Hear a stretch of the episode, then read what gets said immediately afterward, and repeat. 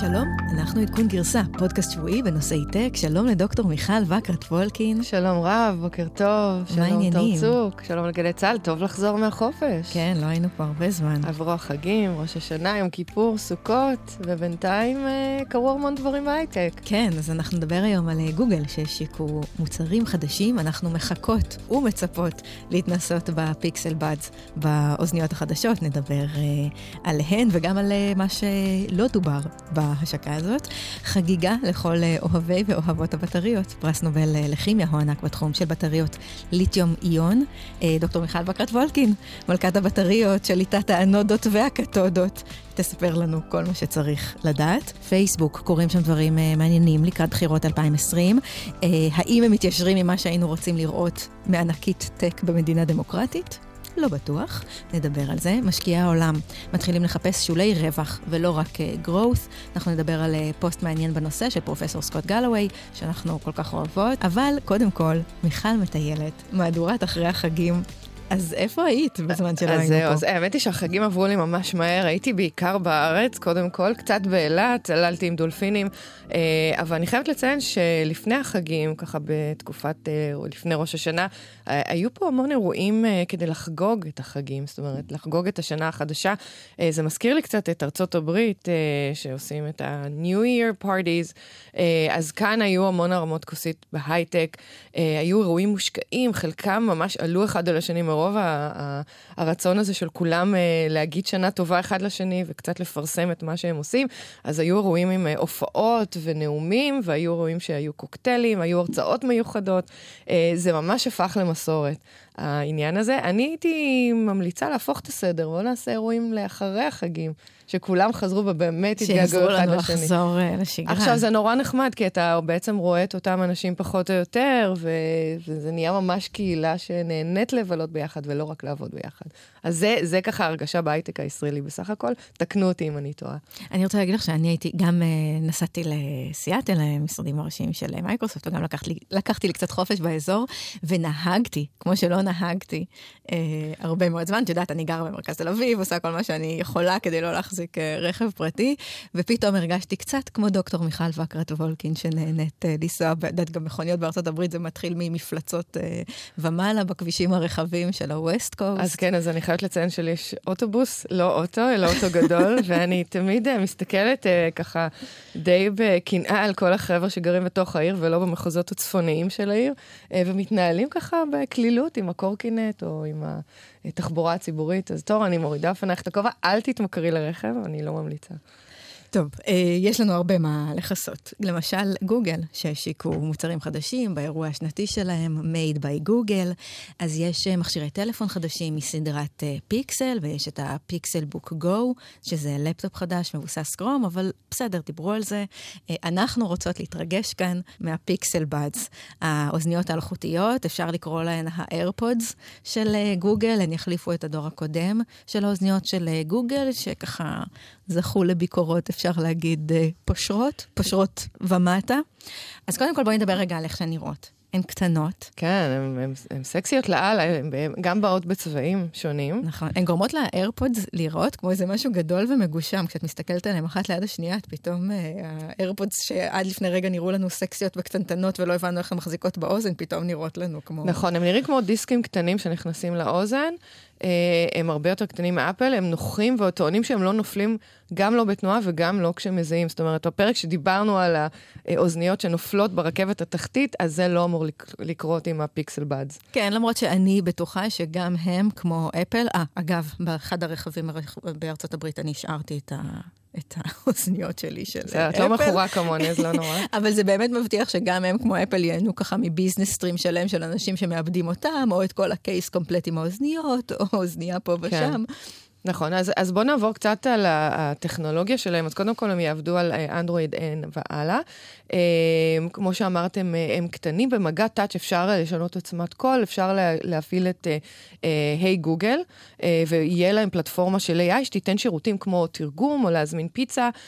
מה שמעניין זה, לדעתי, זה טכנולוגיית הפחתת רעשים.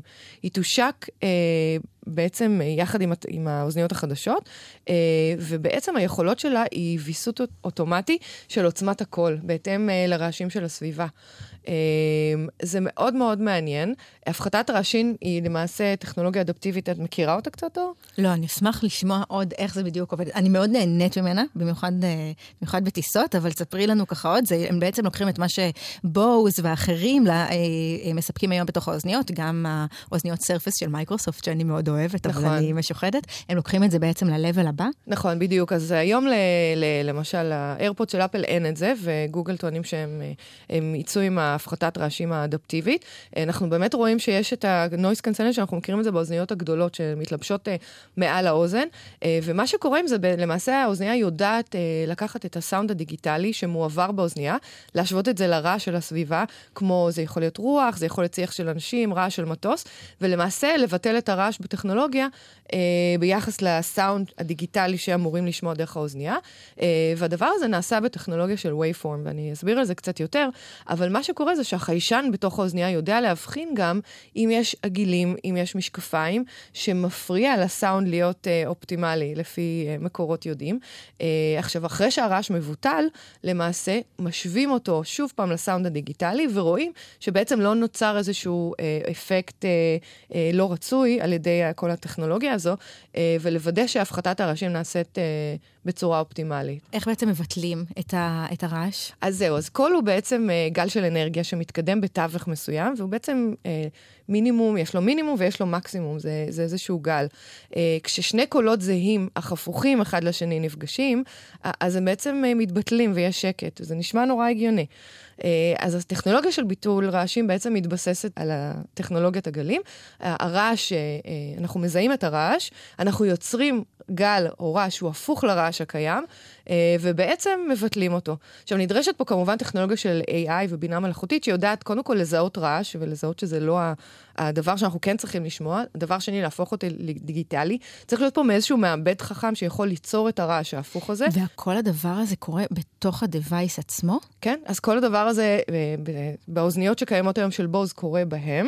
אה, גם ברכבים, למשל, יש טכנולוגיה של noise cancellation, כדי שברכב שיתופי, למשל, יהיה אפשר לשבת ברכב ולשמוע רק את מה שהבן אדם אמור לשמוע, ולא את השיחות של הבן אדם אה, שלידו. מה, אז איפה כל הכיף בחטטנות ובלהקשיב לשיחות של אחרים? אז אפשר גם להשתיק את ה-noise cancellation ולעשות... אני דווקא, אה, הדבר הראשון שחשבתי עליו בתרגום הסימולטני, זה איזה כיף, יהיה אפשר להאזין לרכילות גם בשפות שאת לא מכירה. נכון, אז זה, זה כפתור noise on, אה, ואמור להיות בתוך, אה, בתוך כזו אוזניה איזשהו מיקרופון שמשדר למעשה את הרעש ההפוך, וחייב להיות מאוד מדויק. וכמובן, יש פה challenge מאוד גדול, וזה משהו שגוגל לוקחים, זה לא פשוט למזער את הדברים האלה. אה, אפל למשל מתחרים אה, באוזניות אה, בסולו שלהם, הם עכשיו השיקו את הסולו פרו. אני מאוד אהבתי את הסולו, הם כאלה גם אחת האוזניות הראשונות הגדולות שנהיו כאלה טרנדיות ובכל מיני צבעים, ובאמת בסאונד מאוד טוב, ועדיין אוזניות גדולות, אז לאחרונה הם השיקו את הסולו פרו, שיש בו גם טכנולוגיה של ביטול רעשים, אבל באמת הפיקסל בדס הם יהיו הראשונות שיהיו בצורה כל כך ממוזערת, מסוגלות להפוך את, הרעש למינימלי, ובואו נראה, זה אמור להיות מושק באפריל, אז בואו באמת אה, נבנה על זה שהם יעשו עבודה טובה. אבל חזרה לבד, זה הטווח שלהם אמור להיות מעולה. אה, הם אומרים שאפשר לעבור דרך שלושה, לשמוע דרך שלושה חדרים בבית, הטלפון נמצא בחדר אחד, שלושה חדרים או קומה למעלה, עדיין אה, יהיה אפשר לשמוע את השיחה. האמת שזה באמת מינוס רציני של האוזניות של אפל, שהן כל כך נוחות, את מתחילה לדבר איתן, את שמה את הטלפון בכלל במקום נכון. אחר, ופתאום לא האיכות של השיחה מתקלקלת, נכון. כי התרחקנו אז באד זה אמור להיות יותר טוב. יהיה אפשר לזרוק את הזבל ולהמשיך את השיחה. אני אוהבת את הזריקת זבל, זה, זה הטרנד. אה, ובחוץ, אם את נמצאת בחוץ, אז הם טוענים אה, לאורך אה, מגרש baseball, יהיה אפשר להשאיר את הטלפון בצד אחד של המגרש ולרוץ לצד השני עם האוזניות, ועדיין יהיה אפשר לשמוע. מבחינת חיישנים, יש להם אקסלרומטר וגם יש להם איזשהו beamforming, שזה במיקרופונים, שיכולים להרגיש את תנועת הלסת, יכולים לשפר את איכות השיחה על ידי זה שהם מבינים לכאורה על ידי התנועה מה אתה אומר. דרך אגב, לטלפון החדש... אז התנועה של הלסת תעזור להם להבין את התוכן של השיחה? כן, וזה גם, זו טכנולוגיה אה, חדשה, אבל זה, יש אה, כמה סטארט-אפים בישראל שעובדים על זה ל, אה, למטרות אחרות, כמו ווקלזום למשל, למי שמכיר. לטלפון החדש, לפיקסל, אין חורים לאוזניות. זאת אומרת ש... הוא יעבוד רק עם אוזניות של בלוטות'. Uh, ומה קורה עם האוזניות של, uh, uh, עם הבאדס מחוברות לאייפון? כי הרי אתה יכול בבלוטוס לחבר לכל דבר, את יודעת מה קורה? ספרי לי על אז, זה. אז, אז כלום, זאת אומרת, אפשר לשמוע, אבל אבל הרבה מההיי גוגל וכל הדברים כל האלה. הפיצ'רים לא היו קיימים. כמובן, יש תחרות מטורפת בין uh, אפל לגוגל. Uh, אז מה את אומרת, שווה להחליף uh, מאפל, uh, מאייפון לפיקסל בגלל האוזניות? קודם כל, אני איבדתי את האוזניות אפל שלי, אז אני אוקיי. כבר אה, יושבת ומחכה, אז את הולכת להחליף את. הטלפון. אני משתמשת כרגע באפל הקודמות, אבל כן, אני, אני ממש אה, מחכה, זה נשמע... זה נשמע מדהים, באמת זה בעיה לבעלי אה, אייפון, הרבה מאוד מהדברים האלה אנחנו לא נוכל אה, אה, להתנסות בהם, למרות שאני חייבת להודות שבדור האחרון של, ה, אה, של האוזניות של אפל, גם, גם היי סירי הייתה אמורה לעבוד אה, בכל, לי זה אף פעם לא לא עבד. משהו, אני בדרך כלל היא מתחילה לעבוד כשאני לא צריכה אותה. סירי, יש לך עוד הרבה, יש לך עוד הרבה על... אל מה- תגידי סירי, תתחיל לפעול עכשיו. אה, תקשיבי, צריך להגיד מילה על מה שלא נאמר בהכרזה. על זה כן. שגוגל בעצם אה, הורגת את אה, ערכת ה-VR שלה, את ה-Daydream אה, View. זאת ערכה אלחוטית שבעצם הפכה את הניידים שלנו למכשירי VR. הפיקסל 4, הטלפון החדש שגוגל הכריזה עליו, לא יתמוך ב-Daydream. המסקנה ברורה. בגדול, זה די אומר שעידן הטלפונים שהופכים לערכות VR נגמר. היה נכון. כיף, אבל אה, גם סמסונג כבר העלימה את הגיר VR שלה, וזהו, אנחנו בעידן של ההולולנס והאוקולוס של פייסבוק. אז- שהם, אז אה, אני חושבת שזה בליגה מאוד אחרת. מעניין, כי ב-2016 הם אה, יצאו, גוגל יצאו ככה בכל הפרסומות, שהם דיברו על VR, והם באמת, מה שהם ניסו לעשות זה להפוך את ה-VR אה, לשוק של המונים במחיר סביר. אה, זאת אומרת שהטלפון בעצם אה, מכניסים אותו, אה, או מרכיבים אותו על ה headset, על המשקפיים, אה, ובאמת אתה יכול ללכת עם הטלפון לכל מקום ולראות תוכן של, אה, של אה, VR, ומה שהם תכננו לעשות זה בעצם לפתוח את זה לקהל מפתחים ב open source, אה, שיוכלו להצמיח איזשהו שוק חדש. מסתבר שהם לא מכרו הרבה, וזו הסיבה שהם החליטו לרדת מהדיידרימר הזה. גם לא, קהל המפתחים ממש לא עף על זה. אנחנו דיברנו על זה פה, שבעצם העולם של VR ו-AR הוא קצת ככה לא ברור לאן הוא הולך ומי הולך להשתמש בו, והוא בגדול הולך לו לכיוון של, של עולמות ה-B2B. נכון, של, אה, נכון, אבל יש פה כאן, אני חושבת, דבר מאוד מעניין, כי רואים שגם אה, פייסבוק עם האורקילוס שלהם, הם גם נכנסים לאיזה שהם קשיים, הם טוענים שהם מכרו 100 אלף יחידות, שזה אפס לעומת עשרות מיליוני המכשירים שלהם בעולם. אז אני חושבת שצריך לשאול את עצמנו את השאלה מה קרה, ובעצם לאן השוק הזה הולך. אז אני חושבת שמבחינת מה קרה, אני חושבת שהמוצר הוא היה בעיקר אה, תוכנה, הוא לא נתן חוויה מספיק מהממת אה, ל- ללקוחות, אה, וגם הטלפון היה אמור לשבת בתוך העצת, ובעצם אתה לא יכול להחזיק את הטלפון. כל הפקודות שניתנו ל- אה, לטכנולוגיה הזו של ה-VR הייתה על ידי איזשהו שלט, והטלפון היה תקוע באיזשהו מקום אחר בלי access, אז כבר החוויית משתמש לא הייתה טובה, מפתחים לא עפו על זה. Uh, המוצר של פייסבוק, באמת, כמו שאמרת, הוא, הוא הרבה יותר טוב, לא, הוא לא, לא צריך את הטלפון, זה מוצר uh, all included, uh, וגוגל... האמת היא שגוגל השקיע מיליארדים בפיתוח הזה. Uh, זה אחד הפרויקטים החביבים של סרגי, גם זה, גם המשקפיים, ש, uh, שגם, את יודעת, החליטו uh, להרוג אותם. אבל השאלה היא מה כן תופס, זאת אומרת, בוא נאמר, יש כאן מוצר שהוא גם תוכנה וגם חומרה, אבל יש פה פוקוס על תוכנה. אז מה, מה כן תופס בעיני גוגל בעולם המדומה? אה, ומה שהם אומרים בעצם, כששאלו אותם למה הם הרגו את ה Daydream, הם מדברים דווקא על AR, אה, שזה בעצם אה, לא מציאות מדומה, אלא מציאות רבודה, שבה מלבישים את המציאות על המציאות הקיימת. שכבה של, אה, של דאטה על בעצם בזמן שאנחנו רואים את המציאות. נכון, אז, אז, אז אחת הדוגמאות שבעצם גוגל כן הולכים לכיוון שלה זה ניווט בהליכה, או ניווט, כשאתה יוצא מהרכבת התחתית ואתה בעצם יש לך את הגוגל מפס, אז פתאום יהיה לך איזשהו, איזה שהם תמונות או כל מיני אה, אה, סימנים על המפה, שיוכלו להגיד לך איפה האטרקציות ושלטים, ולאן שתסתכל תוכל לראות. דיברנו על זה פה באחד הפרקים, על זה ועל האתגרים של מה בעצם צריך נכון, לקרות כדי נכון. שהתוכנית דבר הזאת- שני זה חיפוש מטקסט, זאת אומרת, אתה יכול לקחת את המצלמה שלך בטלפון, להס- להסתכל על משהו, וזה בעצם עושה לך חיפוש, אם זה איזשהו, איזה שהם בגדים יפים שראית, אם אתה הולך לאיקאה ואתה רואה איזושהי ספה בסלון, אז זה יוכל להלביש לך על, ה, אה, על הסלון שלך. אה, גם כמובן אה, אה, Google Lens, אה, כמו שאמרנו מקודם, אה, אתה תסתכל על כרטיס ביקור, זה ישר יכול לקרוא אותו. יש כאן איזשהו טרנד ובעצם הבנה ש-AR, אה, שזה המציאות הרבודה, כן קורית, אה, אבל בשוק ה consumer, אבל מציאות מדומה, VR כנראה שכבר לא. אה, כן, צריך להגיד שהתזה של מייקרוסופט היא אחרת. ה HoloLens קיים, אבל לא ממש בעולמות של consumer, יותר בעולמות ה-B2B. אגב, כשהייתי בסיאטל, התנסיתי ב HoloLens, ושיחקתי ככה, הסתובבתי במוזיאון, והזזתי תמונות ופסלים ממקום למקום. זה היה מאוד חמוד, אבל זה באמת חיזק את הדבר שלי, את ההבנה שלי בתור consumer. זה פחות מעניין, ובאמת מייקרוסופט הולכת למקום הזה של, שהדבר הזה ישמש טכנאים וטכנאיות ומפעלים. ו... כן, וזה הלאה. נכון, אני מאמינה לכל מי שבאמת התקדם בתחום של המציאות המדומה.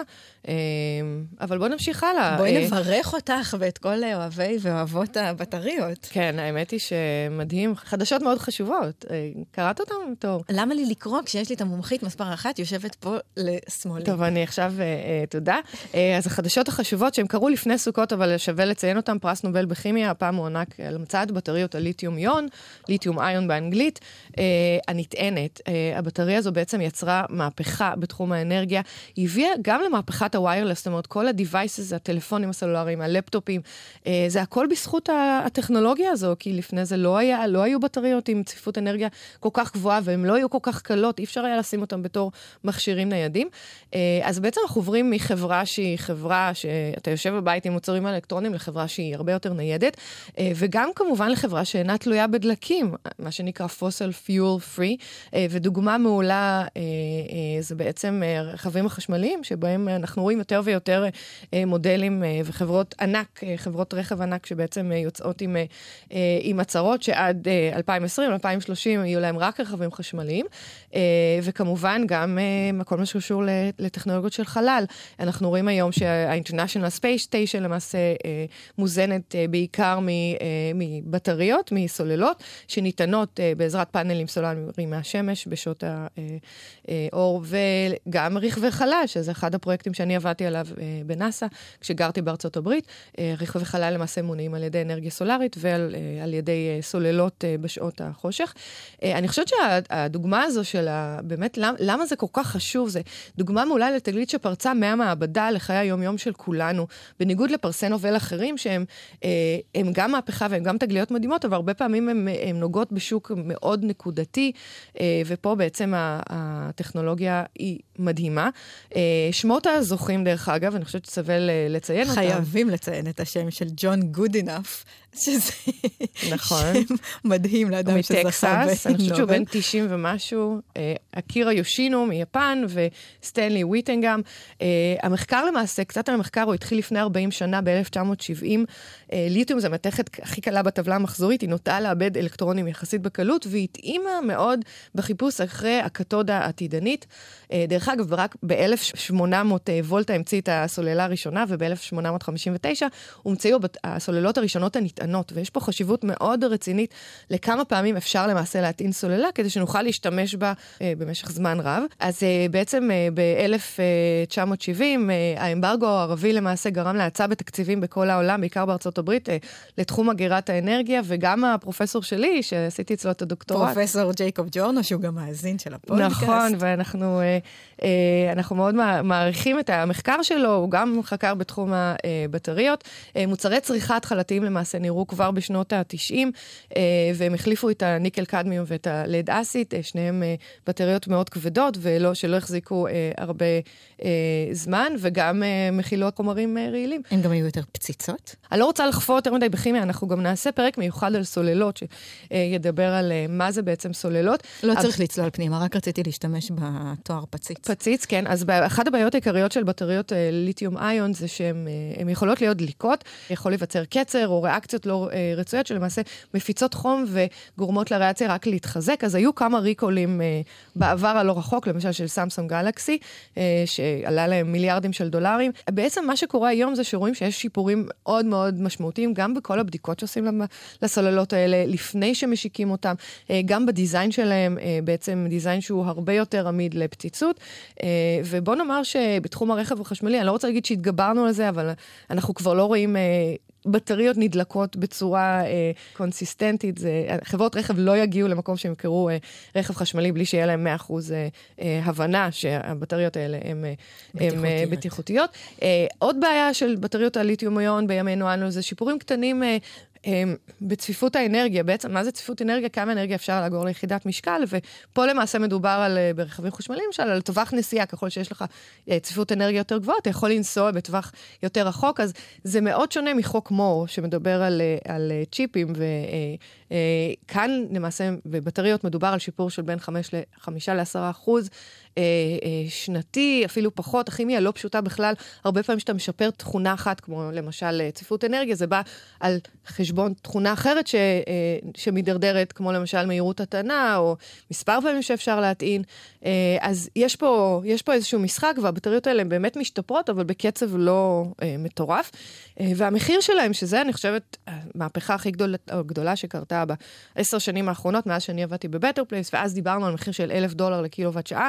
היום אנחנו מדברים על פחות מ-500, מדובר על 300, 200, ואפילו אנחנו רואים שבטריות סוללות מסין, שנהייתה אה, יצרנית uh, מאוד uh, רצינית, uh, המחיר שלהם יורד לסביבות ה-100 דולר לקילוואט שעה. אני חושבת שזה מאוד מעניין לדבר על, על השימושים. אז מה, איזה באמת שימושים יש עכשיו כשהמחיר הוא משמעותית אה, יותר אה, נגיש? אז זהו, אז מעבר לכל ה-consumer electronics ורכבים חשמליים שדיברנו עליהם, יש, יש כאן האצה מטורפת בתחום ההגירה של אנרגיה לרשת החשמל. אה, למשל, השבוע מדינת ניו יורק אישרה לבנות את התקן אגירת האנרגיה הגדול ביותר במדינה, בקווינס. זה התקן של 316 מגוואט, שבעצם יוכל להעיר עד 250 אלף בתים למשך שמונה שעות ברציפות. תארי לעצמך איזה כמות אנרגיה גדולה זאת. המתקנים למעשה אוגרים אנרגיה אה, ממקורות... שמופקת ממה? מקורות טבעיים, כמו רוח ושמש, שאי אפשר לסמוך עליהם ב, אה, באופן רציף, אז, אה, ובשעות העומס הן משחררות את האנרגיה הזאת ל, לרשת החשמל ויוצרות בעצם שורות על אה, רשת חשמל אה, יציבה.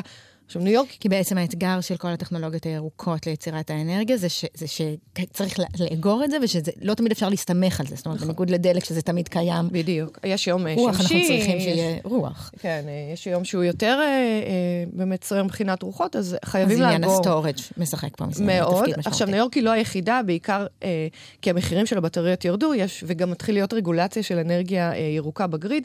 אז אנחנו רואים שבקליפורניה טסלה בונה התקן ל-PG&E, שזה אה, חברת החשמל. חשמל אה, עם 180 מגוואט שעה, בפלורידה מתכננים עכשיו מתקן של 409 מגוואט שעה. אה, בקיצור, יש כאן אה, אה, אה, בעצם מהפכה מאוד מאוד גדולה, ואנחנו נדבר, אנחנו נעשה איזשהו פרק מיוחד על התחום הזה. אה, יש לנו את עניין האופנועים של הרלי, האופנועים החשמליים. לצערנו הרב, נבות וולק לא נמצא פה, כי בפעם האחרונה שדיברנו בנושא, הוא עשה חיקוי מדהים. רגע, אז קודם כל אנחנו מדברים על, על, על, רכבים חשמליים, ולא אמור להיות להם רעש, כי אין להם מנוע, אז מה יהיה הרעש? טוב, אנחנו... אני רוצה בוק אבל אני לא באמת יכולה.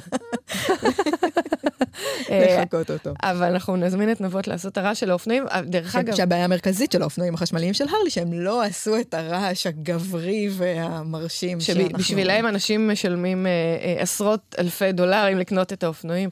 אה, אז, אה, אז דרך אגב, יש איזושהי בעיה עם אופנועי אה, הרלי דיווידסון, מעבר לרעש המדליק. אה, זה נהיה כבר איזושהי אופנה לפנסיונרים. אה, דור המלניאל אה, מסתכל על האופנועים האלה... במקום קלנועית בקיבוץ, אופנוע חשמלי של הרלי משהו כזה, המחירים שלהם יחסית אה, גבוהים, יש רעש באוזניים, אנחנו לא אוהבים רעש באוזניים. בעצם החברה הרלי דיווידסון שואלת את עצמה כבר שנים איך למצב מחדש את האופנוע, והשנה בספטמבר הם השיקו את האופנוע החשמלי החדש, שנקרא Live Wire. האופנוע לא נראה כמו הדגמים הישנים, הוא נראה נורא מדליק. הדבר היחידי שנשאר בעצם מהדיזיין הישן זה אה, מראה בוטני של מכל הגז, שהיום יושב אה, בעצם בתוכו נוזל הקירור של הסוללה, אפרופו דיברנו על הסוללה. אה, בעיר האופנוע החשמלי הזה נוסע משהו כמו 150 קילומטר, מחוץ לעיר בערך 70, הממוצע, אה, סליחה, מייל. אה, הממוצע הוא בערך 160 קילומטר, שזה יפה, כי תחשבו שזה אופנוע, והנפח ומשקל הבטריות, הסוללות שאפשר לשים שם, הוא יחסית קטן, אז באמת אה, חל שיפור מאוד גדול אה, של הטווח. אבל אה, מה היה שם? הייתה שם בעיה ב charging? כן, אז מה, ש... מה שראינו השבוע זה בעצם אה, שהייתה איזושהי בעיה בהטענה, והרלי דיווידסון ביקשה אה, לא להטעין את האופנועים בבית, שזה קצת מוזר, כי כל פעם שאתה צריך להטעין, אתה צריך לנסוע ל dealership. הם טוענים שאחרי ההשקה, אופנוע אחד לא עבר איזושהי בדיקת איכות שקשורה בהטענה בקצב סטנדרטי, והם אה, חברה שבעצם אה, מאוד מאוד מאוד איכותית, והם אה, לא כל כך הגיבו, לא הסבירו מה בדיוק הייתה הבעיה, אבל מה שכן הם התגאו בה ביכולת שלהם להבטיח איכות גבוהה. Uh, מסתבר שהם תיקנו את הבעיה, ואופנועים, אופנועים חשמליים של הרלי, מי שיש לו, אתה יכול להטעין בבית. אפשר לנשום, אה, לנשום אפשר לנשום לרווחה. דרך אגב, האופנוע הזה עולה 30 אלף דולר, זה בערך 10,000 דולר יותר יקר מאופנועים חשמליים אחרים. אני חושבת שאופנוע חשמלי זה הדבר הכי הגיוני שיכול להיות, באמת. כאילו, למה צריך אופנוע עם גז? אה, בשביל הבוקבוקבוק. הבוקבוקבוק, נכון. אז uh, יש לנו uh, חדשות uh, מרעישות בפייסבוק. בעצם החברה הופכת uh, להיות uh, חברה שתומכת uh, ברפובליקאים. ו- וסתם, אני, זה לא נכון, אבל אני ככה הולכת קדימה עם, ה, uh, עם הפלטפורמה, עם השינוי uh, uh, החדש שהם עברו. Uh, הם למעשה, מרק צוקרנברג uh, למעשה מכריז ש... אה, פייסבוק תאפשר פרסומות שקריות בפלטפורמה שלה, וזאת לקראת המרוץ לנשיאות הקרוב אה, ובא. יותר ויותר פרסומות שהן לא אמיתיות. אה, מה שמעניין פה זה שפייסבוק עד היום כן עשתה איזושהי פילטרציה לתוכן ש, של הפרסומות, וניסתה להוציא פרסומות שהן לא אמיתיות. אליזבת וורן, הסנטורית ממסצ'וסטס, שלמעשה היא מטעם הדמוקרטים המועמדת המובילה, הכריזה מלחמה ופרסמה כבר בפייסבוק קמפיין שקרי בהתאם לכללים החדשים, שמכריז כי מרק צוקר צוקרברג למעשה תומך בטראמפ לנשיאות, הוא עשה endorsement לטראמפ, אה, ובעצם אה, מה, ש, מה שהיא טוענת זה שמרק צוקרברג מוכן למכור את ה integrity של פייסבוק כדי למנוע חלוקה של החברה, אה, שזה משהו שמדברים עליו הרבה זמן, כי פייסבוק חברה מאוד מאוד חזקה, והממשל למעשה, הרגולציה מנסה לראות איך אפשר לחלק אותם או לשבור אותם, והיא טוענת שעבור כסף מרק יעשה הכל. מה את אומרת על זה, כן. תור? טוב, אז באמת קורה עם אה, פייסבוק משהו, אה, משהו מאוד מוזר. הם מין חוזרים אחורה לימים שבהם הם אמרו, אנחנו רק הפלטפורמה, מה אתם רוצים מאיתנו? אנחנו לא אשמים בכל הרוע שיש בעולם, כשאנחנו בעצם יודעים שיש להם כוח אה, לסנן, ואנחנו מצפים מהם שיעשו את הסינון הזה. אז באמת ההכרזה הזאת, שהם לא יעשו fact checking על אה, קמפיינים פוליטיים, היא מאוד מאוד מוזרה.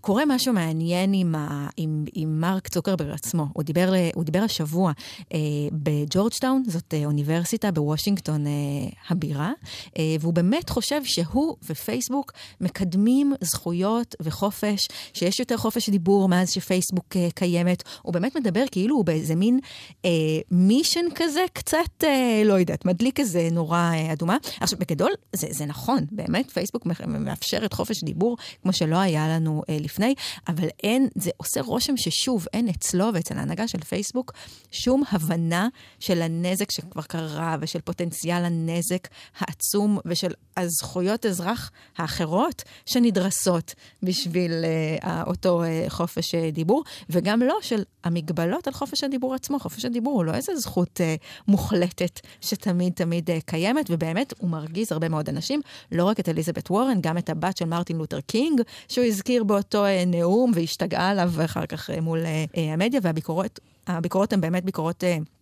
ליברליות, דווקא באמת, כמו שאמרת, conservative ים של העולם פתאום אה, עפים עליו, הם מאוד מאוד אהבו את הנאום אה, בג'ורג'טאון. קווין מקארתי, שהוא קונגרסמן רפובליקני, שהיה מבקר גדול מאוד של פייסבוק, אמר אחרי הנאום שזאת הייתה תזכורת מחממת לב לזה שחופש הדיבור הוא המודל ה, אה, העסקי הטוב ביותר. ברור, כשאת נותנת לכל מי שרוצה רק לקנות פרסומות ולשלם לך כסף, בלי שיש לך שום ביקורת על, אה, על מה שקורה בתוך הפלטפורמה שלך, ובלי שאת לוקחת על זה אחריות, אז ברור שזה מודל, אה, מודל עסקי מצוין. אני חושבת שפייסבוק קצת יורים לעצמם ברגליים, כי הם הופכים את עצמם לעיתונות צהובה, עיתונות שאין לה שום אה, ביקורת. אנחנו הרבה פעמים מסתכלים על כל מיני כתבות, ואנחנו בעצם כבר יודעים לזהות מאיזה בלוגים כן כדאי לקרוא ואיזה בלוגים לא כדאי לקרוא, מי, למי יש חדשות שקריות ולמי יש חדשות אמיתיות. והאלגוריתם של פייסבוק לא יודע לזהות את זה. אז אני חושבת שהם יורים לעצמם ברגליים, ובסך הכל אני קראתי איפשהו שהכנסות מפרסומות פוליטיות הוא פחות מחמישה אחוז מההכנסות הכלליות שלהם. זה לא מעט, אבל זה גם לא המון. אני חושבת שיש להם סיבות פוליטיות כנראה הרבה יותר uh, מעמיקות, שלא קשורות לתקציבים. Uh, הם רוצים לקבל תמיכה מהממשל uh, בלהישאר פייסבוק. טוב, אנחנו uh, צריכות, uh, אנחנו צריכות לסיים. אני חושבת שאנחנו אולי נשים את הסיפור של uh, סקוט uh, גלווי, ואולי גם את הסיפור על, ה, uh, על הרובוטים שקהילת המעריצים שלהם ממשיכה להחזיק אותם uh, בחיים. Uh, נשים אותם באינסטגרם שלנו ונשים לכם uh, לינק כדי שתוכלו uh, uh, להמשיך ולקרוא בעצמכם. ואנחנו נדבר על זה שבוע הבא. אז uh, תודה רבה לגלי צה"ל, תודה רבה תורצוק. דוקטור מיכל וקרת וולקין ונובת וולקה, העורך שלנו. Uh, שבוע הבא, פרק מיוחד. עד כאן. ביי ביי. ביי.